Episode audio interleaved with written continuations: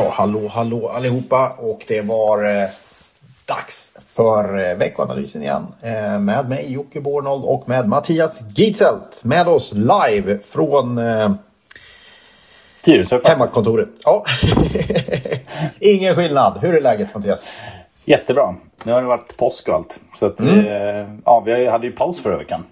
Ja, vi hade det. eh, jag insåg att vi faktiskt hade en, no, lite material ändå som vi hade kunnat köra. Men det var väl vi som försökte vara lediga. Ja, jag gjorde ett eh, tappert försök. Jag, jag måste säga påskhelgen eh, blev ganska ledig faktiskt. Så jag passade på att åka lite I alla fall lördag, söndag. Ja, ja lite så. Men det är ju gott det. Man får vara glad för det lilla. Ja, Ja. det gäller mig med. Mycket jobb förra veckan ändå. Men eh, lite skönt ledigt också.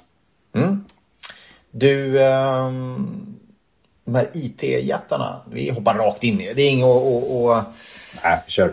hy- hymla med utan vi hoppar rakt in i förra veckan och då eh, var det lite comeback för IT-jättarna igen. Ehm, Egentligen inte bara förra veckan utan hela förra månaden är väl lite comeback. Bästa sektor på en månad. Mm. Just det. 8 procent. Det är ju faktiskt... ja, Jag åtminstone tycker nog att det är lite förvånansvärt. För det känns ändå... Alltså även om vi gillar sektorn. så det, ska Mm. vi lägga till. Det, vi ser fortsatt potential för IT-sektorn på sikt och så. Och det är liksom där vinsttillväxten finns.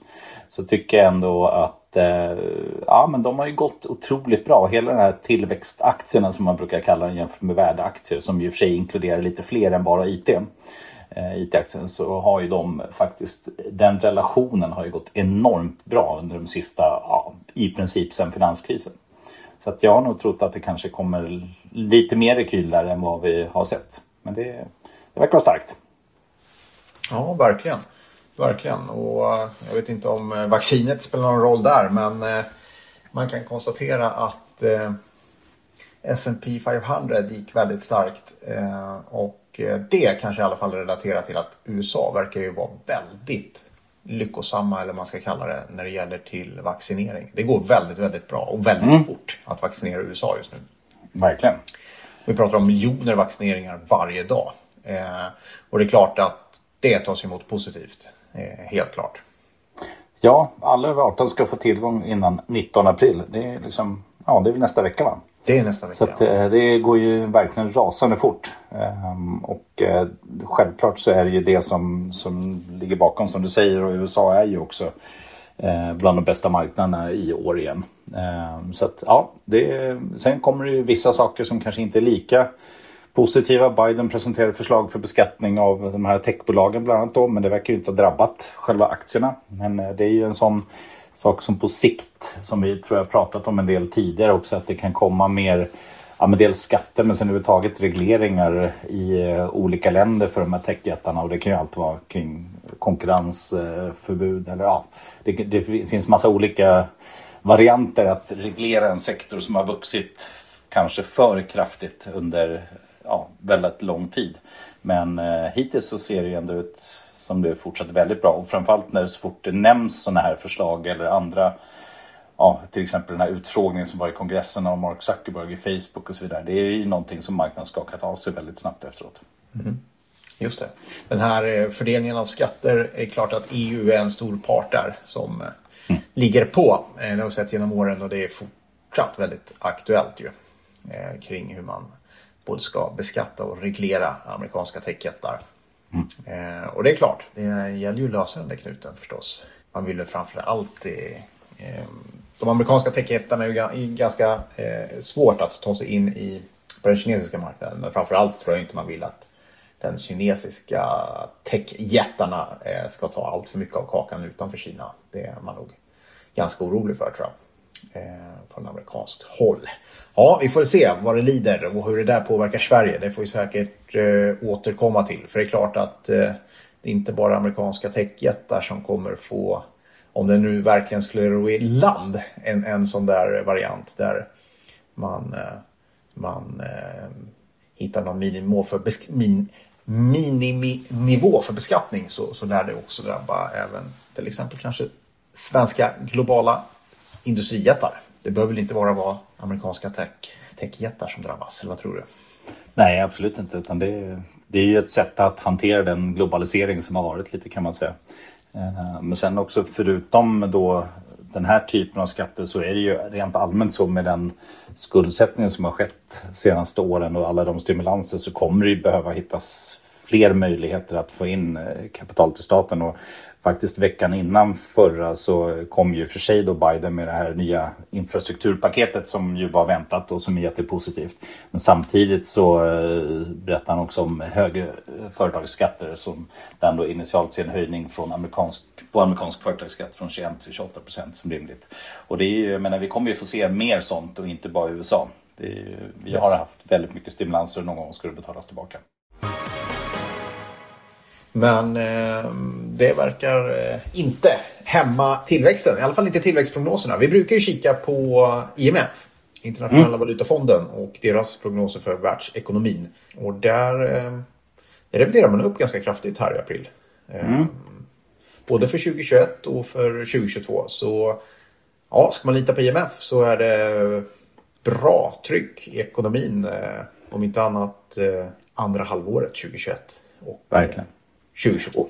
Och det är väl i princip eh, förväntat att det skulle ske. Eh, vi har ju haft en otrolig, om man tittar på alla typer av ledande indikatorer, oavsett om det är inköpschefsindex eller liknande, så har ju de stigit riktigt ordentligt senaste tiden. Ehm, och eh, vi hade ju här till exempel i nu nyss eh, euroområdets inköpschefsindex för både industrin och tjänstesektorn är sammanvägda och det gick upp till 53,2 upp från 48,8. Så att eh, det är många sådana mätningar som faktiskt pekar på att aktiviteten ökar. Eh, och det märker man ju överlag. Så det är inte så förvånansvärt att IMF reviderar upp. Men ändå, det, är, det är bra tal. Alltså i år så väntas ju global tillväxt bli 6 nästa år 4,5 eller 4,4. Och det är upp med en halv procent ungefär, eller en halv procentenhet då, sen senaste estimat. Och faktiskt för alla regioner så reviderar man upp. Det är ju då USA ligger väldigt bra till på dryga 6% och jag vet ju att vissa marknadsaktörer, investmentbanker och så vidare redan ligger på mycket högre än de här 6 procenten i år, ligger snarare mot 8 till 10. Så mm. det, det, ser väldigt ljust ut eh, för tillväxten i år. Men det är ju också självklart, det är ju jämförelse med förra året. Så det är ju det är självklart lättare att nå, nå höga tal när jämförelsetalen är bra. Så är det. Yes.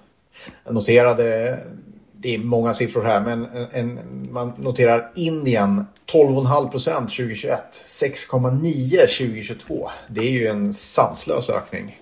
Ehm, mm. Även Kina, och vi pratar, Kina vet jag vi har pratat om tidigare, där är det fortfarande över 8 procent eh, för 2021. Och, eh, 5,6 2022. Det gäller att de där infrias för att eh, vi ska få den här riktiga uppgången. Ja, nej, verkligen. Verkligen. Sen är ju, det är ju länder med väldigt hög tillväxt som det är. Så ja, när du studsar tillbaka då blir det väldigt höga tal. Självklart. Men det ser bra ut. Bra. Någonting annat som eh, ser bra ut, eller ser bra ut, det är på ingång i alla fall. Ja, det är ju eh, ja, ännu en gång dags för en eh, rapportperiod. Den här veckan eh, så kommer ett gäng amerikanska banker som brukar vara först ut. Och mm. Eh, de borde väl kunna klara sig ganska hyfsat bra va? Ja, absolut. Jag tror överlag att rapportsäsongen kommer nog vara ganska bra. Just bankerna är ju, ja, de gynnas ju av den här ekonomiska återhämtningen de också självklart och inte minst att räntorna också börjar stiga. Och, eh, tittar man till exempel här JP Morgan eh, så var bankens VD ute och sa att nuvarande starka utvecklingen den, den kan fortsätta in i 2023 i ekonomin. Så att, ja, det ser väl onekligen väldigt bra ut och eh, vi har också grönt betyg på, på den sektorn. Men sen skulle jag nog säga att även andra bolag eh, faktiskt ser, ja men i alla fall vad jag tror, kan hålla en ganska bra, eh, ganska bra tillväxt här och visa upp bra siffror.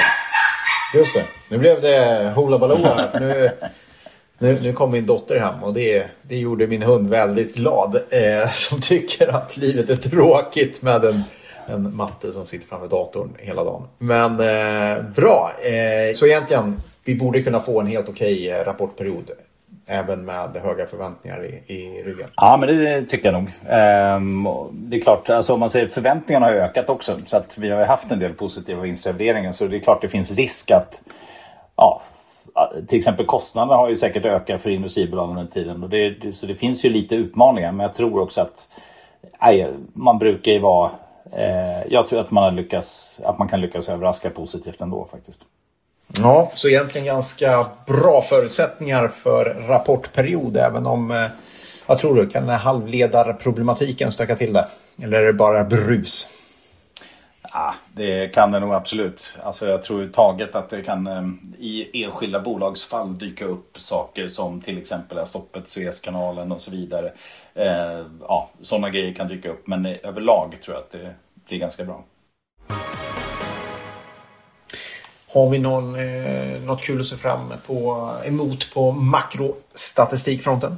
Eller har det dykt upp någonting sista veckan? Ja, men det, det kommer väldigt mycket faktiskt. Ehm, ja, men dels har det ju varit massa, det har vi delvis eh, pratat om, men det, det, har kommit faktiskt mycket mer än så under de senaste två veckorna. Och det som kanske är värt att lyfta upp under tiden är ju att konsumentförtroendesiffror stiger. Eh, inflation snarare lägre än väntat. Riktigt stark amerikansk sysselsättning, det är sånt vi inte har nämnt och som har skett, som mm. är bra.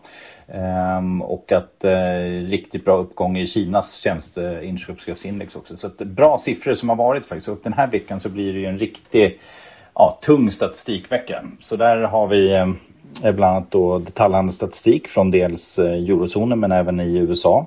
Så det är viktigt fortsatt för hur konsumtionen går. Eh, sen så har vi då svensk arbetslöshetsstatistik. Vi har tysk SEV-index. Vi har i USA har vi en massa siffror. Eh, småföretagarindex, inflationsstatistik, eh, Fed-index, industriproduktion. Ja, det finns otroligt mycket att titta på. Och i Sverige får vi inflationssiffror.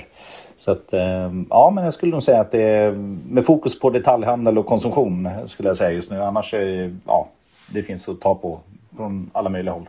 Mm, det finns något för alla. Ja, Makronördar där ute. Ja, det är bra. Du, eh, ja, tittar vi lite på börs och bolagshändelser så så är det framförallt, eh, tycker jag, eh, de stora bankerna i, borta i väster som man ska ha koll på. Det har vi nämnt. Eh, de kommer i princip allihop här och eh, man kan ju faktiskt hålla ett litet öga på Alcoa också som kommer. Det brukar vara bra temperaturmätare på även svensk industri faktiskt. Lite grann i alla fall. Massa stämmer utdelningar. Och utdelningsregnet fortsätter. Jajamän. Mm. Det är full fart på det. Eh, så det kan man också hålla lite koll på förstås. Mm, någonting annat du tycker man ska ha med sig innan vi, vi stänger ner butiken? Nej, men eh, inte direkt så. Jag kan väl notera fortfarande att VIX-index har vi pratat om en del volatilitet som jag har hållit upp relativt mycket. Har faktiskt börjat falla ordentligt. Så är i 16,7 nu och för en månad sedan så var det på 24 ungefär. Så det ser väl eh, på det sättet riskmässigt eh, bättre ut. Eh, det vill säga lägre svängningar på, på börsen. Mm. Kan man säga. Annars inga stora rörelser sådär förra veckan i, i några index egentligen utan Eh, ganska stabilt eh, skulle jag säga där utvecklade marknader håller bättre än vad tillväxtmarknader gör just nu. Just det. Med Sverige i topp kan vi säga. Mm, faktiskt. Mm. Ja, Sverige det är ut. härligt. Vad bra, då tror jag vi gör så här. Vi nöjer oss där. Vad säger du? Ja, det gör vi. Ja, tack för att ni lyssnade. Vi hörs eh, nästa vecka. Så var ni era kära mödrar och var ni era fäder med. Därför partypatrullen och kräver det. Och vågar inte stå där stilla med benet på väggen, stå där och chilla. Då kommer discosnuten bötfälla dig, då får du pisk på truten. Olagligt att inte dansa, asexuell, straight eller transa. Och vi ska upp bland molnen, varannan dag med nasse och skål sen. Vi ska twista till svetten, lackar till polisen, juristen och rätten backar. Skiter i tiden och vad klockan slår när vi revar hela dygnet så långt vi förmår.